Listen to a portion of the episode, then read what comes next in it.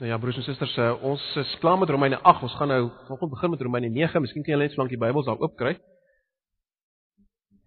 Romeine 9 tot 11 is natuurlik 'n eenheid. Ek gaan nou net daarna verwys, maar uh, ons gaan vanoggend net uh, die eerste 5 verse van hoofstuk 9 lees. Kom ons maak daar oop. En net voor ons uh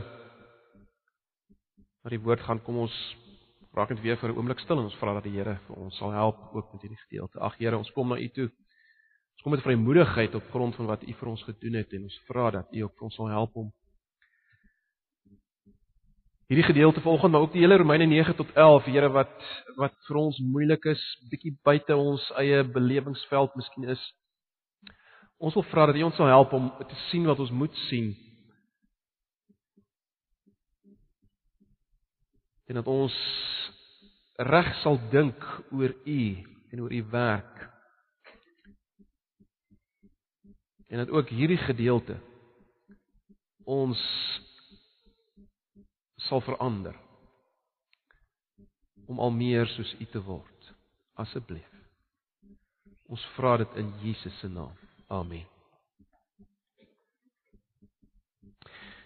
Goed, Romeine 9, ons gaan uh, die eerste 5 verse saam lees. Ek lees maar die 53 vertaling vir ons bloot omdat dit uh, werk meer met die soos julle sal weet, meer met die letterlike woorde.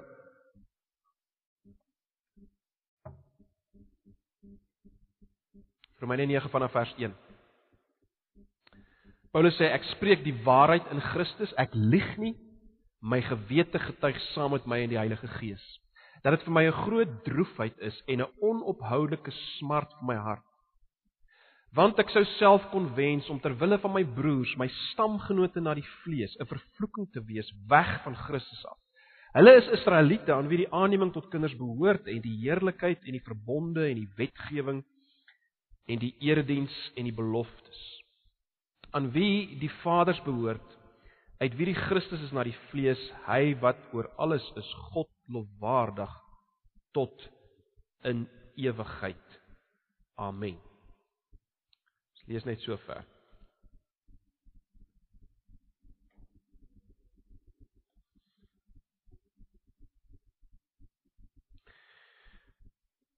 Nou ek dink die die meerderheid van ons vandag uh, as ons 'n plek moet vind wat ons nie ken hier, ry met 'n met 'n GPS, nou of of op jou selfoon of in jou motor. Maar ek dink die meeste van ons kan nog onthou die tyd toe ons met kaarte gery het of van ons ouer mense ry dalk nog met kaarte. Uh En ek dink hulle sal my saamstem as jy nou nie by jou bestemming uitkom nie en in verward is en en en en nie uiteindelik weet waar jy is nie, ehm uh, sal jy nie sommer tot die konklusie kom dat die persoon wat die kaart opgestel het, met ander woorde die outeur van die kaart 'n fout gemaak het of dat die ou wat die kaart opgestel het probeer snaaks wees of wreed wees teenoor jou. Ek dink nie mense wil sommer tot so 'n konklusie kom nie. Ek meen die hele rede waarom die kaart daar is is om jou te help, nê, nee, om by die regte bestemming uit te kom. So as dit lyk asof daar 'n fout is, dan moet mens gewoonlik maar weer 'n keer kyk na die kaart en seker maak dat jy die kaart reg verstaan. Want uh die kans is baie min dat die outeur van die kaart 'n fout sou maak. Nou Romeine 9 tot 11 kan in 'n sekere sin vergelyk word met 'n kaart. Uh wat Paulus wil wys is dat God se beloftes aan Israel uh is soos 'n kaart. En as jy uh, kyk na die beloftes en jy sê vir jouself maar Dit wat hy sê gebeur nie, daar's iets fout. Hy het 'n fout gemaak. Wel, Paulus se argument in Romeine 9 tot 11 is, dan moet jy weer 'n keer gaan kyk na hierdie kaart, want iewers maak jy 'n fout met uh, jou interpretasie daarvan. Maar kom ons staan nader aan Romeine 9 tot 11. Ek sê Romeine 9 tot 11 want Romeine 9 tot 11 moet as 'n eenheid hanteer word. Dit is baie belangrik. Dit is eintlik een gedeelte. Uh as jy as jy dit as 'n geheel lees en ek sou voorstel dat jy dit as 'n geheel gaan lees, dan sal jy baie duidelik sien dis een argument wat Paulus as te ware volg. Ehm um, hy begin met 'n hartseer as te ware hy, hy eindig met 'n met 'n lofprysing en en is 'n eenheid. Maar natuurlik vir uh die prediking onthaalwe gaan ek dit in kleiner gedeeltes deel, maar maar is baie belangrik en dis hoekom ek praat van Romeine 9 tot 11 voordat ons uh gaan begin in Romeine uh Romeine 9. Nou uh ons weet dat Paulus het nou net aan die einde van Romeine 8 wanneer ons gekyk het verlede Sondag as te ware God se absolute getrouheid aan ons gevier.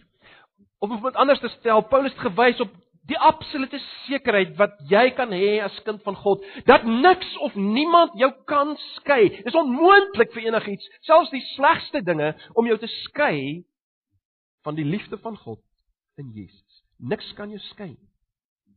As God vir jou is, dis wat Paulus gewys het, kan niemand teen jou wees nie. Wat 'n ongelooflike versekering vir 'n kind van God. Maar goed, 'n mens sou verwag dat dit die toppunt is. Dis dis die einde van die teologiese deel van Romeine. So nou verwag jy dat Paulus as te ware gaan sê, "Goed, in die lig daarvan moet ons prakties lewe. Hoe moet ons dink elke dag waar ons is by die werk, by die skool? Hoe moet ons lewe in die lig hiervan?" En dis wat Paulus doen in Romeine 12. Maar wat van hoofstuk 9 tot 11? Wat is die plek van hierdie hoofstukke uh, in hierdie brief? Nou wanneer 'n mens net so op die oppervlak kyk na na wat hier voor jou is, in Romeine 9 tot 11. Die eerste ding wat jou tref is die storielyn. As jy mooi fyn lees. Is die storielyn. Paulus begin met Abraham en dan gaan hy na Isak en Jakob. Dan beweeg hy na Moses en Eksodus. Uh aan die einde van hoofstuk 9 kom hy by die profete en en hulle voorspellings van ballingskap en herstel. Dis wat jy kry daar aan die einde van hoofstuk 9 as jy mooi gaan lees. En dan in hoofstuk 10 vers 6 en verder lê Paulus 'n gedeelte in Deuteronomium 30 uit baie interessant wat eintlik die terugkeer uit ballingskap voorspel. Nou jy, jy sal dit nie raak sien as jy nie weet dat in Romeine 8 ag uh, ekskuus in Deuteronomium 28 tot 30 ehm uh, dis voor die volk die land ingaan, Moses gee vir hulle toespraak en in hoofstuk 28 en 29 wys hy wat gaan gebeur as hulle ontrou is aan die verbond. Wat is die vloek wat oor hulle gaan kom en die groot vloek wat oor hulle sal kom is die ballingskap. Maar dan in hoofstuk 30 kom hy met 'n wonderlike nuwe boodskap en hy wys uiteindelik sal hulle nie die die wet hoef te gaan soek nie, dit gaan na hulle toe kom en hy hy praat met ander woorde oor die terugkeer uit ballingskap en dis Paulus lê dit uit daarin in uh Romeine 10 vanaf vers 6 en verder. Dan in hoofstuk 11 vers 1 ontwikkel Paulus die die hele gedagte van 'n oorblyfsel wat ons ook kry in die Ou Testament. En aan die einde van die hoofstuk 11 uh raak Paulus die groot voorspellings aan van verbondsvernuwing wat eintlik uit Jesaja en Jeremia kom, waar die agtergrond van Jesaja en Jeremia lê. Soos ek sê as jy mooi gaan lees dan sien jy dis daar. So wat wat ons kry hier is eintlik niks anders as die verbondsgeskiedenis van Israel nie. Paulus skryf hier die verbondsgeskiedenis uh, geskiedenis van Israel. Ons onthou vanaf die begin van die brief wou Paulus wys dat die evangelie wat let wel die tema van hierdie brief is, hy wil wys dat hierdie evangelie, onthou julle, die evangelie van God is. So dis die goeie nuus, as jy wil, wat deur God van die Ou Testament beloof is.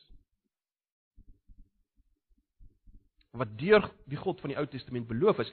En en en baie belangrik, daarom is dit goeie nuus wat hy soos Romeine 1 vers 2 dit stel, dis die goeie nuus wat hy tevore beloof het deur sy profete in die Heilige Skrifte. Dis die goeie nuus van Romeine. Die, die tema is evangelie, maar hierdie evangelie is die goeie nuus wat God tevore beloof het deur sy profete in die Heilige Skrifte. Romeine 1 vers 2. So jy sien dis baie belangrik vir Paulus. Uh dat daar geen om dit so te stel geen goeie nuus in Christus kan wees behalwe as dit wat behalwe as as as dit wat God in hom gedoen het deel is van die Ou Testament. Die meesterplan van die Ou Testament wat aan ons geopenbaar is. As as as dit wat as die goeie nuus in Christus nie deel is daarvan nie, is dit nie goeie nuus nie. So daarom moet Paulus praat oor Israel se rol in die lig van hierdie goeie nuus in Christus. Want jy sien ons moet onthou dat dit het baie duidelik geword in Paulus se dag dat die meeste Jode nie tot geloof in Christus gekom het nie. Hulle het nie gereageer op die goeie nuus nie. Weer en weer het Paulus uh, met hulle gepraat en hulle redeneer en en daar was nie regtig reaksie nie. Daar was 'n minimum reaksie.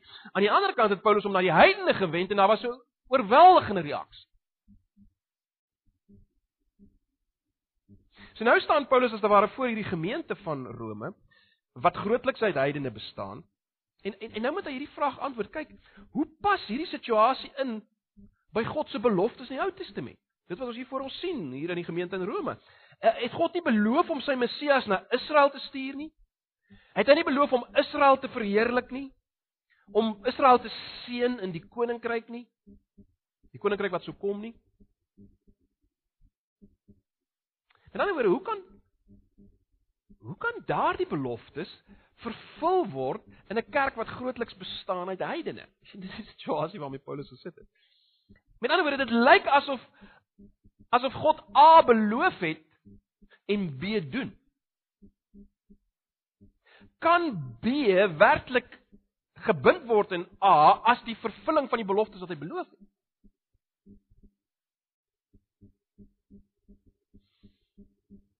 En natuurlik is daar 'n vraag vir ons wat hier sit ver oggend. Kyk. As God eenmaal sy beloftes verander het. Dit wat hy dit wat hy met hy eed gesweer het aan die aardsvaders en hulle nageslag dat hy hulle God sal wees. As as hy eenmaal dit as hy eenmaal verander het wat dit betref, hoe weet ons hy gaan nie weer verander nie? Kan ons werklik seker wees dat as God vir ons is, niemand kan teen ons wees soos ons nou net gesien het in Romeine 8 se einde nie? Te midde van lyding en swaar kry, kan ons sekuriteit hê dat niks ons kan skei van sy liefde nie en van die bose se aanvalle nie. Hoe kan ons weet as as God wel so verander? So dis julle sien is relevant vir ons. so dis die sake wat op die tafel is in hoofstuk 9 tot 11. Nou reeds in hoofstuk 3, ek weet nie of julle nog kan onthou nie, het Paulus eintlik al daaraan geraak. Ek lees julle net vers 3 en 4 waar Paulus sê: "Maar maar wat nou as sommige nie getrou gebly het nie? Sal hulle ontrou die trou van God laat opbou?" Vers 4 van Romeine 3 beslis nie. Dit staan vas dat God betroubaar is en elke mens 'n leenaar is, soos daar geskrywe staan: "U is regverdig wanneer u uitspraak doen en u wen die saak wanneer u aangekla word." So hy het dit reeds aangeraak, maar nou doen hy dit in meer besonderhede. Jy sien Paulus wil hê dat ek en jy en die Heilige Gees wil hê dat ons moet verstaan hoe God se werk in die evangelie van Jesus. Hoe daardie werk perfek in ooreenstemming is met wat hy beloof het in die Ou Testament. En natuurlik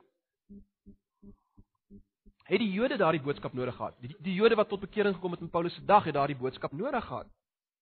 Ehm uh, as hulle die evangelie aanvaar het, moes hulle weet dat dit is die vervulling van wat in die Ou Testament beloof is. Of anders gestel, hulle moes weet Hulle het nie hulle rug gedraai op die God van die Ou Testament as hulle nou in Jesus glo nie. Hulle moes dit verstaan. So so dit was belangrik vir die Jode, maar aan die ander kant die heidense Christene moes moes ook weet dat daar 'n verbintenis is tussen die Ou en die Nuwe Testament. As dit kom by verlossing. Hulle moes sien dat hulle geloof se wortels as te ware in die grond van die Ou Testament lê. Meer eksplisiet nog, En Paulus maak dit duidelik in Hoofstuk 11, sal julle dit sien in vers 13 en vers 17 tot 24 en ook in vers 26. Sal julle sien daar's 'n praktiese rede waarom die heidene dit moes verstaan. Want jy sien, daar was die geneigtheid geweest om by die heidene te kyk na die feit dat hulle die meerderheid geword het. Die kerk van Rome, dit was so in die kerk van Rome, maar ook by ander gemeentes, hulle het die meerderheid geword en daar was die geneigtheid om om baie goed te voel oor hulle self uh, letterlik te roem is die woord wat gebruik word en om neer te kyk op die Jode. So Paulus wil hulle arrogansie as te ware aan die bande lê deur vir hulle te wys, kyk, die geestelike seën wat julle nou ervaar is as gevolg van wat God gedoen het deur sy volk Israel. So moenie baie arrogant wees oor waar julle nou is. Julle kan as te ware nie sonder hulle nie. Dis wat hy doen. En dit is baie duidelik as jy Romeine 11 lees, sal jy dit sien. Kom ek stel dit so. Uiteindelik is Romeine 9 tot 11 of laat ek of kom ek stel dit so. Uiteindelik gaan Romeine 9 tot 11 nie so seer oor Israel nie, maar oor God, né? Dit gaan ten diepste oor die verbondsgetrouheid van God, die God van Israel, die God van die Ou en die Nuwe Testament. En daarom kan eh, mense eintlik amper sê dat Romeine 9 vers 6a, die eerste gedeelte van Romeine 9 vers 6 is amper die tema van die gedeelte uh, as Paulus sê, maar ek sê dit nie asof die woord van God verval het nie. Die Engelse vertaling sê it is not as though God's word had failed. Dis amper die dis amper die tema. Julle sal weet in Romeine 11 vers 29 sê God uh, sê Paulus ook die die roeping van God. Sy beloftes is on is onomkeerbaar, nee, dit kan dit of verval nie. Julle kan maar daar gaan kyk na vers 29 uh se bewoorde. So wat Paulus argumenteer om dit so te stel is dat God absoluut konsekwent is. Absoluut getrou is aan sy beloftes. En dis belangrik. Paulus wys God is absoluut konsekwent en absoluut getrou aan sy beloftes. En om om dit te bevestig, om dit te bewys, maak hy basies 3 punte omtrent Israel in hierdie hoofstukke wat alles te doen het met Israel se verlede, met Israel se hede en met Israel se toekoms. God se beloftes wys Paulus aan Israel in die verlede is in lyn met wat nou gebeur. Die feit dat sommige glo en ander nie. Paulus wys dat wat God in die verlede gedoen het is in lyn met wat wat hulle nou sien. En dan in vers 30, 9 vers 30 tot 10 vers 21, los Paulus 'n bietjie die hooflyn van sy argument en en en en en praat oor hierdie verrassende dinge eh, of hierdie verrassende verskynsel dat baie Jode nie in Jesus glo nie, maar baie heidene in hom glo. So dit hanteer hy daar in 9 vers 30 tot 10 vers 20. Dan in hoofstuk 11 vers 1 tot 10. Uh kyk Paulus na die teenswoordige situasie van van Israel en en wys dat God selfs nou sy beloftes vervul deur Jode te red. En dan die klimaks van die argument kom in hoofstuk 11 vers 11 tot 32 uh waar Paulus wys in die toekoms gaan die hele Israel gered word. Ons sal daarna kyk vers 26. En dan eindig Paulus die hele gedeelte met 'n lied aan God, nê, nee, dan vers 33 en 6 tot 36 van van Romeine 11. Hy eindig alles met 'n lied oor die ongelooflikheid van God se manier van werk. Maar goed, dis nou in volvlug 9 tot 11. Kom ons kyk nou net vir oggend bietjie na die eerste 5 verse van van hoofstuk 9. Want hierdie eerste 5 verse dek as te ware die tafel vir dit wat volg. Paulus praat hier vanuit sy hart oor 'n eh, oor die kontras tussen die Jode se voorregte en die tragiese posisie waarin hulle self bevind. So kom ons kyk hierna. Wat is die tragedie? Wel die tragedie wat Paulus gesien het, wil ek so saamvat. Israel as geheel, dit wil sê Jode wat nie in Jesus glo nie, staan onder die vloek van God. Dis die tragedie. Die Jode van Paulus se dag, die is eh, Israel in Hebreë as jy as jy dit so kan stel, staan onder die vloek van God. Dis die tragedie. Dis die tragedie. Nou as jy bietjie geskok is oor die manier hoe ek dit stel, ek gaan nou-nou wys hoe ek daarby uitgekom het. Maar dis die tragedie. En en die spanning wat geskep word deur hierdie situasie. Uh dit dryf die hele argument van hierdie hoofstuk. Of die hoofstukke wat volg. Die spanning wat veroorsaak word deur hierdie situasie dat Israel, die Jode, staan vervloek en afgesny van God. Deurdat hulle nie in Jesus glo nie. Die eerste 5 verse wys dat Paulus diep in sy wese en ons moet dit sien. Paulus is in sy wese geraak. Hy's diep besorg oor dit waar eh, dit waaroor hy skryf. Dis nie vir hom baie belangrik broers, dis dis nie vir hom net 'n teologiese verhandelingkie wat hy skryf. En en hierdie verse heel hier aan die begin al openbaar vir ons 'n baie belangrike feit omtrent Paulus. Paulus was nie een van die reformatore nie. Paulus was ook nie 'n gereformeerde baptis nie. Paulus was 'n Jood en hy het 'n Jood gebly tot die dag van sy dood. Hy het nooit afstand gedoen daarvan. Nou in vers 1 gaan hy uit sy pad uit om die erns van sy bekommernis duidelik te maak. Hy stel die punt eers positief. Hy sê ek praat die waarheid in Christus en dan tel hy die punt negatief. Hy sê ek lieg nie en dan voeg hy nog by, kyk, die Heilige Gees uh my gewete getuig saam met met met die Heilige Gees. Hoekom hoekom maak hy dit so stel hy dit so sterk? Wel waarskynlik omdat die Jode agterdogtig was oor Paulus. Met ander woorde, uh hulle het gedink Paulus het so bietjie teen hulle gedraai want kyk God het Paulus geweldig gebruik, geweldig baie heidene het tot bekering gekom deur Paulus se se invloed, se werk, se prediking en en en die Jode het agtergedogte geword oor Paulus. Hulle het gedink wel Paulus het waarskynlik gedraai teen teen sy volk. Hy, hy het nie meer 'n liefde vir sy volk. En Paulus kom ontken dit absoluut, né? Nee, kyk net hoe stel hy dit in vers 2. Dis vir my 'n groot droefheid en 'n onophoudelike smart vir my hart. Ons moet dit sien. Droefheid, 'n smart vir my hart. Nou Paulus sê nie eksplisiet wat het gelei tot hierdie droefheid en smart vir sy hart nie, maar uh, ek dink is duidelik uh veral uit vers 3 dat die rede vir sy droefheid is dat as jy rondom hom kyk dan sien hy nie dat Jode gered word. En dit bring my by die die stelling wat ek nou gemaak het, die skokkende stelling.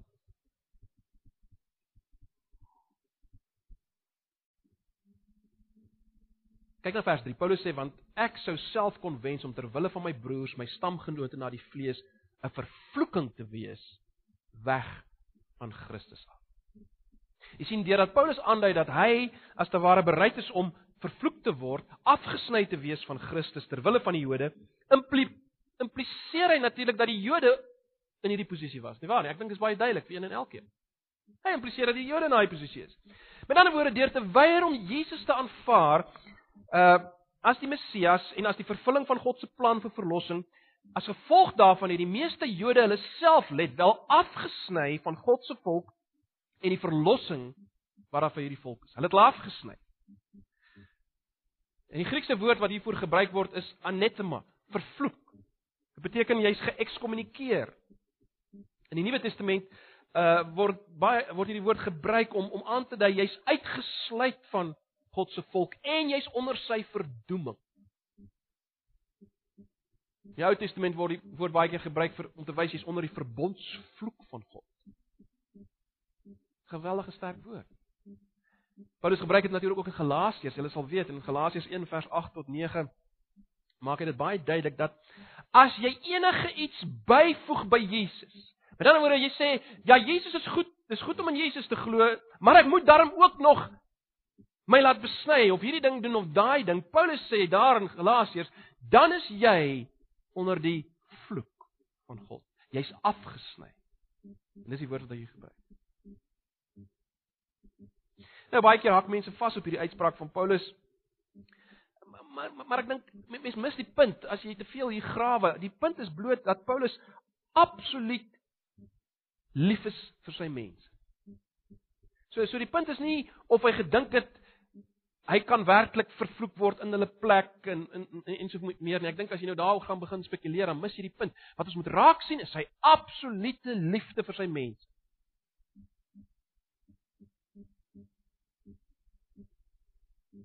Hy selfs bereid soos hy dit stel om afgesny te wees en vervloek te wees.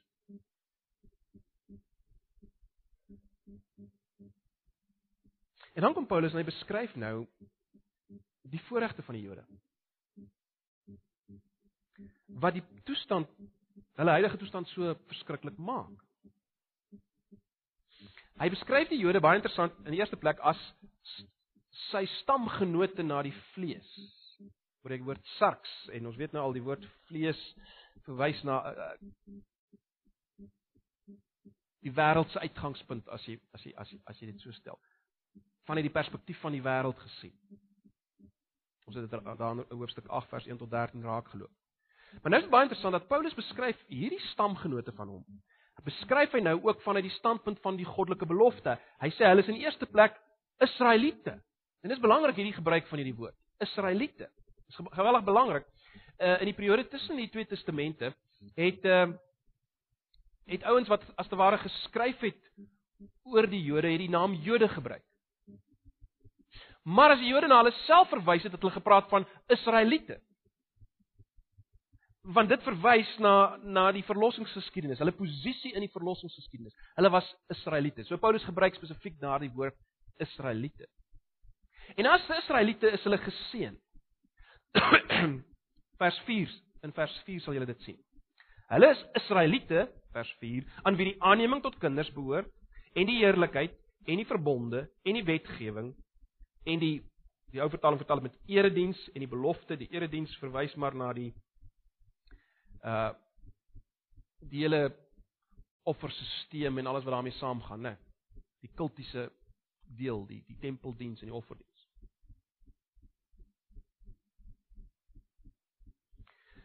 So hulle is geseën met al hierdie dinge. Nou, baie van hierdie voorregte is is redelik duidelik in sigself. Ek ek hoef dit nie uit te lig nie, maar ek wil tog een of twee uitlig. Paulus sê dat aan hulle behoort die aanneming tot kinders. Nou, dit beteken nie Paulus het gedink dat uh die Jode in die Ou Testament as individue gered is nie. Hy praat van die aanneming van Israel as as volk, as verbondsvolk. Maar nou is dit baie interessant, Paulus gebruik dieselfde woord vir Christene, né?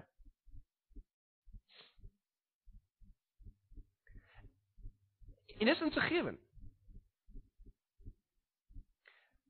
As Paulus dieselfde woord gebruik vir gelowiges en vir Israeliete na die vlees binne die bestek van 20 verse, dan sien julle wat is die spanning, né? Wat daar's 'n spanning. I mean, aan hulle behoort die aanneming Maar nou is hulle nie aangeneem nie. Nou is dit nou is die Christene vanuit die heidene wat aangeneem is. Dieselfde geld vir die term heerlikheid wat Paulus gebruik om na die Jode se se voorreg te verwys. En en ongetwyfeld dink Paulus aan God se teenwoordigheid wat by die volk Israel was. As hy as hy as hy sê aan hulle behoort die heerlikheid. God was teenwoordig. Ons onthou julle ons het gesien in Esegiel ons baie daaroor gepraat. Ons Esegiel gedoen het. Die heerlikheid van God was by die volk Israel. Maar julle kan onthou, 'n paar sonnae gelede het ons gekyk na die geweldige ding wat Paulus in Romeine 8 sê vir ons as Christene, die heerlikheid waarna ons op pad is. Die heerlikheid waarna ons op pad is om saam met Jesus te regeer oor 'n nuwe skepping. Julle sien die spanning. Aan die einde van vers 5 eindig Paulus met twee finale seënings wat aan Israel gegee is en hy praat van die aardsvaders en die Messias die Christus. Nou die aardsvaders, Abraham, Isak en Jakob, hoekom is dit belangrik? Nie, nie nie as gevolg van iets in hulle self nie. Die punt is die aardsvaders was die mense met wie God 'n verbondsooreenkoms aangegaan het. Ja, on, ons weet nou al 'n verbond is soos 'n huweliksooreenkoms waarin God met 'n eed gesweer het dat hy sal hulle God wees en die God van hulle nageslag tot in ewigheid. Sal hy in hierdie verbonds huweliksverhouding met hulle staan tot in ewigheid. Dis wat God gesê het. Dis geweldig. En Paulus kom terug in 11 vers 28. Uh as hy sê hy praat met die heidense Christene en hy sê wat die evangelie betref is hulle dis die Jode wel vyande van God en dit kom julle ten goeie maar kragtens die uitverkiesing is hulle dis hierdie Jode geliefdes om die aardsvader se ontwil. Dis kan amper sê tussen vers 5 en vers 28 van Romeine 11 kom wys Paulus nou hoe moet ons hierdie kaart verstaan? Hoe moet ons hierdie kaart verstaan? Maar dit is belangrik. Dis een van die seëninge, die aardsvaders per implikasie die verbond wat gesluit is. Die grootste seëning wat beloof is aan Israel was natuurlik die Messias. Dit wil sê die Christus. En weer eens uit 'n menslike oogpunt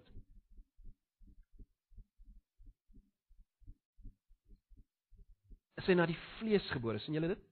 Dis die letter, dis hoekom ek letterlike vertaling gebruik. Aan wie die Vaders behoort en uit wie die Christus is na die vlees.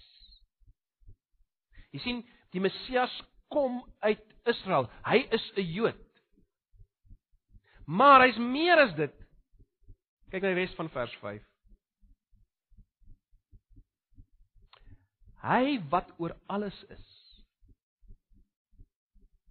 God lofwaardig tot in ewigheid. Die nuwe vertaling sê hy wat God is verhewe bo alles en lofwaardig tot vir ewigheid. Dis 'n geweldige stelling, is dit nie? Die Jood, die Messias, die Christus, want dis wat Christus beteken, die gesalfde, die Messias.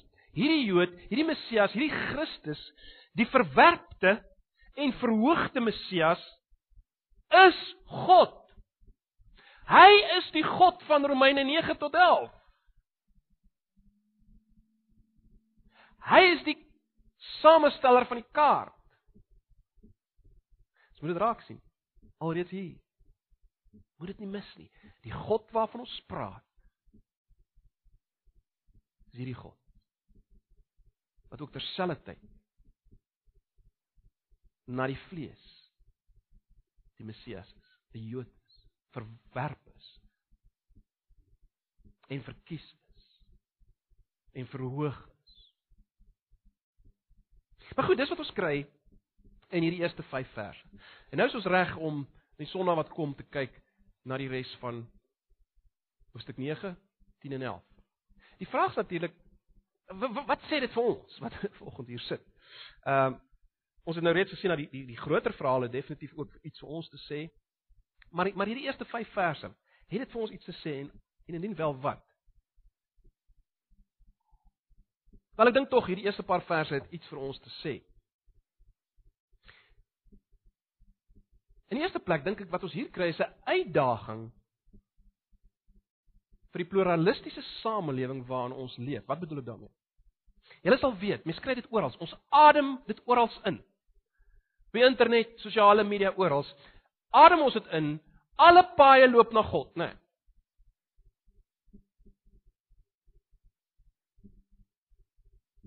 Alle paaie loop na God. Wel Oprah is baie lief om dit te beklemtoon. Alle paaie loop na God. Maak nie eintlik saak wat jy glo nie, aan watter van watter geloofsisteem jy deel is nie, uiteindelik sal jy by God uitkom. Jesus kan onmoontlik die enigste weg wees. Wel, broers en susters, wat ons moet sien in hierdie gedeelte is dat Paulus het nie die let wel die godsdienstige goeie toegewyde sinagoge bywonende Jode van sy dag as alright gesien het. Dis belangrik om dit raak te sien. Hy het nie gesê ag Dis hulle manier om by God uit te kom en hulle sal uiteindelik by hom uitkom. Nee, Paulus sê Hulle is onder die vloek van God, hulle is afgesny.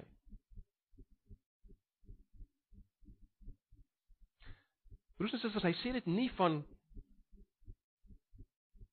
slegte, hoererende, syplap, rondslaap mense nie. Hy sê van goeie, toegewyde Jode. Dit is belangrik om te raak. So dis 'n uitdaging, hierdie gedeelte se uitdaging vir vir die siening van ons dag en In 'n tweede plek is dit 'n uitdaging vir jou eie siening. Hoe voel jy oor mense wat buite Jesus is? Let wel hoe ek dit stel. Hoe voel jy oor mense wat buite Jesus is? Nie oor mense wat nie godsdienstig is. Nie. Maar dan word dink jy dis maar eintlik alright as mense daarom hulle woon elke tweede derde Sondag kerk by en hulle hulle bid by ete en weet jy daar is 'n Bybel in die boekrak hy's baie vol stof maar hy lê daar hy's daar iewers.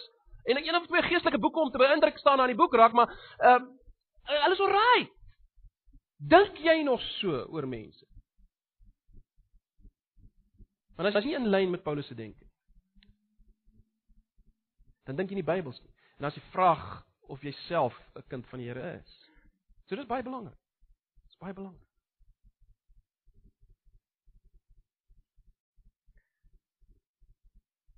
'n derde punt wat ek wil uitlig. Hierdie gedeelte daag ons uit in ons siening omtrent die Jode. En daar's twee rigtings wat dit uitdaag. Aan die eerste kant waarsku hierdie gedeelte ons teen antisemitisme. Met ander woorde, anti-Jood gevoel en ongelukkig uh, histories het dit so gebeur dat uh, Martin Luther in sy latere jare toe hy baie gelei het as gevolg van 'n uh, verskillende siekte toestande, het hy geweldig aggressief geraak teenoor die Jode en vreeslike goed geskryf. Hoor, julle sal julle oor in nie glo nie. En en dit het byvoorbeeld uh, gelei tot baie van die dinge wat die nasies gedoen het aan die Jode is beïnvloed daardeur. Hulle het hulle ongelooflik, maar dit is so. Hulle het gesteun op wat Luther gesê het. Antisemitisme is 'n verskriklike ding. So hierdie gedeelte daag ons uit ook wat dit betref.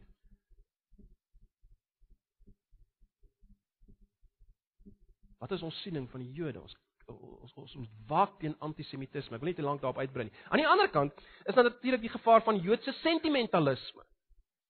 Mens kry dit baie vandag. Die Jode is net great. En en ons moet soos die Jode word. Mense gaan Israel toe en en die hele gedagte is dat ehm um, uh, baie ouens se gedagte is as hulle net kan doen wat die Jode doen, dan is hulle bietjie meer aanvaarbaar vir God. Hulle moet net die, ook weer die Sabbat hou en Joodse kosse eet en Joodse feeste hou. En ja, dis in in in in ons land, hoor. Daar's daar's enige kerke wat nou so sinagoges ingerig is, glo dit as jy wil. Die dominees nou tree nou op as rabbi. Want hulle dink dis ek wil dit sal God gelukkig maak. Ek weet nie hoe lees hulle die Nuwe Testament, maar goed. Uh dis 'n ander gevaar. En uh, die die Jode is net oral, soos hulle is. En en en en, en ons kies altyd die Jode se kant teenoor die arme Arabiere. Jy sien dis 'n ander gevaar. Joodse sentimentalisme, hierdie gedeelte daag ons uit daaroor. Uh wat dit betref, Jode buite Jesus is verlore. So dis die twee dinge wat ons in gedagte moet, die twee kante. Dan baie belangrike vierde punt en dis belangrik En ons gaan weer daaroor praat, maar wat ons hier moet raak sien is dat geloof in God se soewereiniteit en geloof in God se verkiesing staan nie teenoor 'n passie vir verlorenes. Dis baie belangrik. Met ander woorde, kom ek stel dit so, as jou siening vir oggend, jou siening van die uitverkiesing, eh, wat jou siening presies mag wees, As jou siening van die uitverkiesing vir oggend dit is dat uh dat jy kyk na sekere mense wat nou vir jare en jare nie glo nie en jy sê van hulle wel seker nie uitverkies nie. As dit jou manier is om te kyk na mense en te praat oor mense, dan is jy uit lynheid met hoe Paulus gedink het en gepraat het. Glo dit as jy wil. Want dit is definitief nie hoe Paulus gedink en gepraat het. Kyk, dis baie duidelik, né? Nee. Paulus se ingesteldheid, sy houding, sy gesindheid was beslis nie om te kyk na die Jode rondom hom in sy dag wat nie geglo het nie en en te sê, nou wel, ek aanvaar dit want hulle is net nie uitverkies nie. Broers en susters, ons moet raak sien, dis nie hoe Paulus dink nie. Dis nie hoe hy dink nie. Kyk net byvoorbeeld na hoofstuk 10 vers 1, wat sê hy daar? Hoofstuk 10 vers 1 sê Paulus: Broeders, die verlange van my hart en die gebed wat ek tot God vir Israel doen is tot hulle redding. Dis hoe hy praat. Wil nie nou daarop ingaan nie. Al wat ek sê is jou siening van van die uitverkiesing. As dit jou passie beïnvloed om vir mense te pleit en te bid en in te tree, let wel ook vir goeie mense en goeie kinders wat wat nie Jesus liefhet en ken nie. Dan sê iets van. En net 'n laaste punt.